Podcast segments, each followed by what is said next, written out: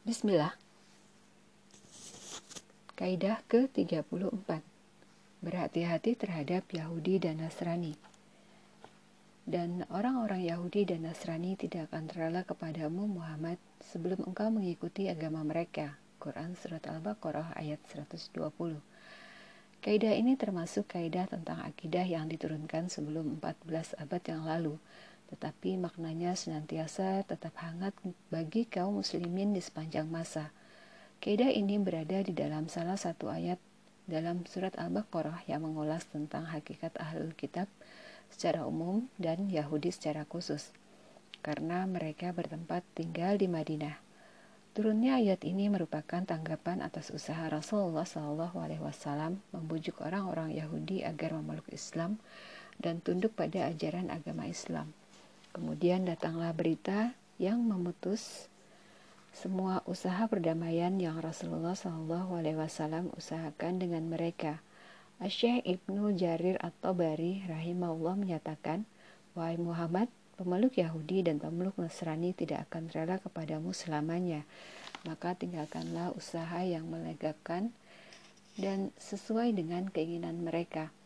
Fokuslah untuk mencari ridho Allah dalam dakwahmu, mengajak mereka menerima kebenaran Islam. Karena kebenaran yang kamu dakwahkan kepada mereka itulah yang dapat mengumpulkan mereka denganmu. Tidak jalan lain bagimu untuk membuat mereka rela kecuali dengan mengikuti agama mereka karena Yahudi musuh Nasrani dan Nasrani musuh Yahudi. Keyahudian dan kenasranian tidak akan pernah berkumpul dalam diri seorang dan dalam satu waktu. Yahudi dan Nasrani tidak akan rela kepadamu kecuali jika kamu seorang Yahudi dan Nasrani dan itu tidak mungkin terjadi dalam dirimu. Karena kamu satu orang sehingga tidak akan ada dua agama yang saling berlawanan berada dalam diri dirimu dalam satu waktu. Jika terkumpulnya dua agama dalam dirimu dalam satu waktu itu mustahil, maka tiada jalan bagimu mendamaikan keduanya. Dan jika tidak ada lagi jalan ke sana, maka berpeganglah pada petunjuk Allah yang menjadikan jalan semua makhluk berdamai. Renungkanlah kandungan penghujung kaidah ini yang membuat ancaman keras bagi orang yang mengikuti kemauan mereka. Untuk siapa ancaman ini? Untuk Muhammad SAW. Padahal hal itu mustahil terjerumus ke dalamnya berkat perlindungan Allah kepadanya. Allah berfirman, Katakanlah, sesungguhnya petunjuk Allah itulah petunjuk yang sebenarnya. Dan jika engkau mengikuti keinginan mereka setelah ilmu kebenaran sampai kepadamu, maka tidak akan ada bagimu pelindung dan penolong dari Allah. Quran Surat Al-Baqarah ayat 120 Renungkanlah bagaimana Allah membagi hal ini menjadi dua bagian, huda atau petunjuk dan hawa atau hawa nafsu. Petunjuk adalah milik Allah dan tidak ada selainnya melainkan menuruti hawa nafsu.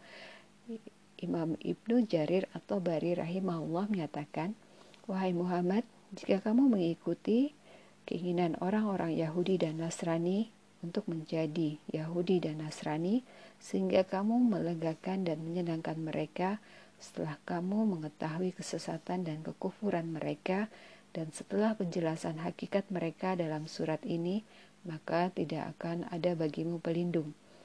Artinya, Tiada pelindung yang melindungimu, wahai Muhammad, dan penolong dari Allah yang menyelamatkanmu dari siksanya jika dia menghendakinya. Jika pernyataan tegas ini ditunjuk, ditujukan kepada Rasulullah SAW, maka siapakah orang selanjutnya? Kaidah ini difirmankan oleh Allah yang maha mengetahui rahasia dan hal yang tersembunyi, zat yang tiada sama baginya semua keadaan makhluk ciptaannya baik yang terjadi sekarang atau yang akan datang. Zat yang memfirmankan kaidah ini adalah juga zat yang berfirman. Apakah pantas Allah yang menciptakan itu tidak mengetahui dan dia maha halus, maha mengetahui. Quran Surat Al-Mulk ayat 14 As-Said Muhammad Rashid Ridho rahimahullah telah merangkum dengan baik kaidah-kaidah yang terdapat di dalam surat Al-Baqarah Beliau menetapkan salah satunya adalah kaidah yang kita bincangkan saat ini. Beliau menyatakan, ayat ini merupakan kunci Rasulullah SAW yang membuka kedok pemeluk dua agama pada masa beliau. Dan ayat ini akan terus relevan dan hangat bagi kaum muslimin setelah beliau. Namun, sebagian pemimpin negara-negara Islam tertipu dan berusaha merayu sebagian negara dengan tawaran kekufuran dan mereka tetap tidak menerimanya. Sekiranya mereka menerimanya, pasti mereka mensyaratkan agar mengikuti ideologi mereka dan implementasinya sehingga para pemimpin itu tidak memiliki sedikit kebebasan dalam beragama dan menentukan kemampuannya sendiri.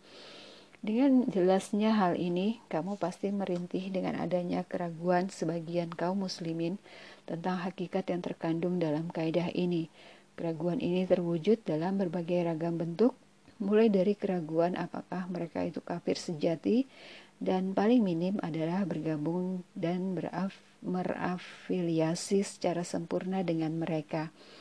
Mereka cenderung tidak bisa membedakan antara hal penting yang harus diambil dalam urusan dunia dan kebanggaan sebagai seorang mukmin dengan agamanya.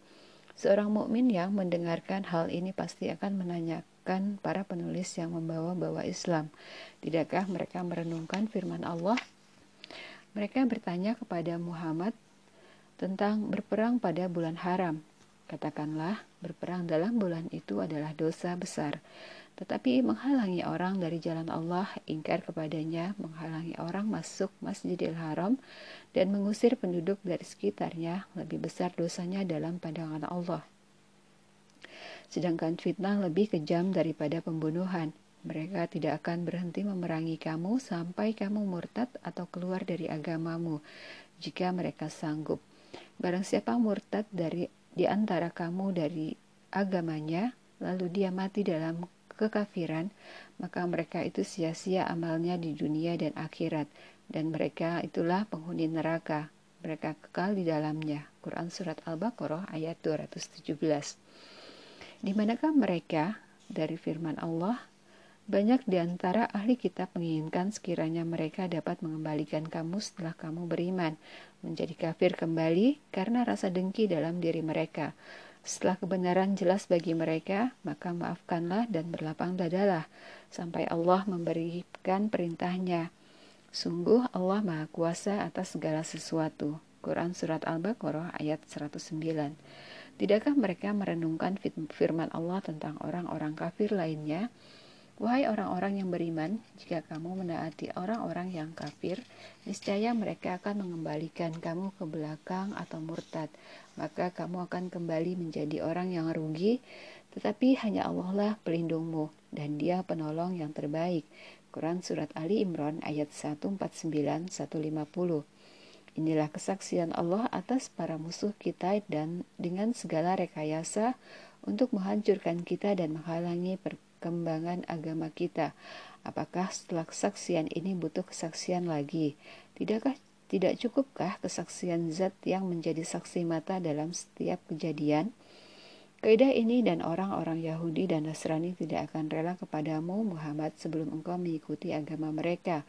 Quran Surat Al-Baqarah ayat 120 dan ayat-ayat lainnya yang senafas adalah berita yang tidak mungkin diabrogasi atau mansuh karena jika terkena abrogasi, maka sang pewarta dianggap pendusta. Jika seseorang terkena cap sebagai pendusta, tentu itu merupakan aib yang besar. Lalu bagaimana jika yang menyebutkan berita itu adalah Allah? Jika kita membuka lembaran-lembaran sejarah, niscaya kita temukan jawaban yang dapat menambah keyakinan seorang mukmin akan kebenaran kaidah ini. Siapakah yang memberi racun daging kambing yang dimakan Rasulullah Shallallahu Alaihi Wasallam sehingga beliau merasakan sesaat sebelum wafat. Siapakah yang membunuh Umar bin Al Khattab radhiyallahu anhu? Siapakah yang meracun beberapa khalifah kaum muslimin yang memiliki andil melemahkan Yahudi dan Nasrani? Sebagian dari para analis benar-benar telah tertipu dengan baiknya interaksi yang dijalin dengan individu Yahudi atau Nasrani, karena ini sangat mungkin.